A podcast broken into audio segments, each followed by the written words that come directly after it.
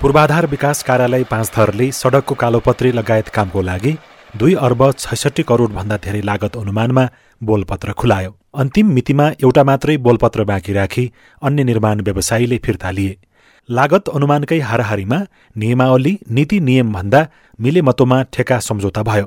उमेश जेठाराका अनुसार ठ्याक्कै त्यस्तै देखिन्छ बझाङमा पनि। प्राविधिकहरूले पनि बढी पैसालाई टार्गेट गरेको अवस्था छ। काम क्वालिटी भन्दा नि यो कसरी पनि कम भन्दा कममा यो काम गर्ने र कति चाँडो हामीले कम भन्दा कम काम सम्पन्न गरेर पैसा कमाउने तन्त्रमा चाहिँ अगाडि बढिरहेको रेसियो देखिरहेको छ। गुल्मीको पूर्वाधार विकास कार्यालयले छप्पन्न ठेक्काको एघार करोड त्रिचालिस लाख चौबिस हजारको शून्य दशमलव आठ नौ प्रतिशत मात्रै घटीमा ठेक्का सम्झौता गर्दा कार्यालयलाई कुनै लाभ भएन।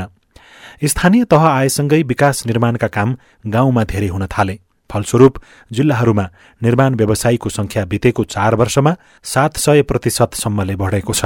हुम्लाका उद्योग अधिकृत ध्रुव बाठा मगर। अहिले तिन सय एकसठी पुगेको छ अहिलेसम्मको होइन? त्यो भनेको चाहिँ झन्डै तपाईँको यता सात सय आठ सय प्रतिशत भन्दा पनि धेरै वृद्धि भइसक्यो अहिले त। यो निर्माण व्यवसायको एकदम हत्तै चाप बढेको छ यहाँ चाहिँ दर्ता गर्नेको। निर्माण व्यवसायी महासंघका अनुसार जिल्ला स्तरमा दर्ता भएका घ वर्गका निर्माण व्यवसायीको देशभरिको संख्या अहिले तेह्र हजार तीन सय पैसठी छ। चार वर्ष अघिको यो संख्या दस हजार सात सय चालिस थियो। सानादेखि ठूला रकमका बोलपत्रमा मिलेमतो हुनुलाई व्यवसायी बाध्यताका रूपमा लिन्छन्। महासंघका महासचिव रोशन दाहाल। कति करोडको सर्टिफिकेट आएको छ भन्ने कुरो थाहा हुन्छ। त्यस्तै प्रकृतिको कामहरू मिल्यो भनेदेखि ल तपाईँको ठाउँमा म गर्छु है अहिले तपाईँ नगरिदिनुहोस् अहिले पनि त्यो कुराहरू चाहिँ चलि नै रहन्छ र त्यो हट्दा पनि हट्दैन त्यो गलत पनि होइन भन्छौँ हामीले।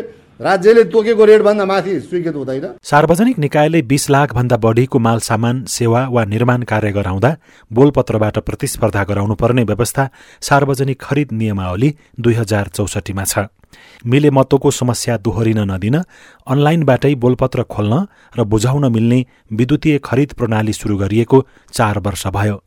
धेरैले त्यसको कार्यान्वयन गरेका छैनन्।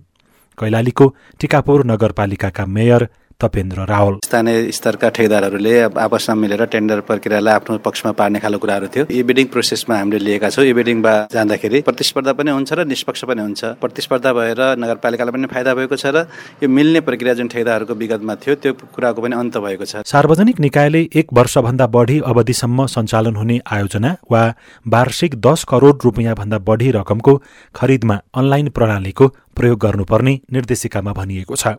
तर अझै पनि गाउँघरमा यसको पूर्ण कार्यान्वयन भएको छैन भन्नुहुन्छ पूर्वाधार विज्ञ किशोर थापा। मिलोमतो हुँदाखेरि टेन्डर मूल्यमा जुन प्रतिस्पर्धा हुन्थ्यो जुन सबैभन्दा किफायती हिसाबले जुन हामीले पाउँथ्यो सस्तो नभनौँ किफायती वास्तविक लागतभन्दा बढी चाहिँ त्यहाँ राज्यले तिर्नु पर्यो त्यो डन गुन्डाहरू जसको चाहिँ मसल पावर छ त्यो धाक रवाफवालाहरूको चाहिँ त्यहाँ हरिकम चल्ने भयो। समूहले नै विकेट गर्ने भयो क्या त्यहाँ। यो वर्ष मात्रै अठाइस भन्दा बढी ठेक्कापट्टा अनलाइनबाट आह्वान गरिएको सार्वजनिक खरिद अनुगमन कार्यालयको तथ्याङ्कले देखाउँछ।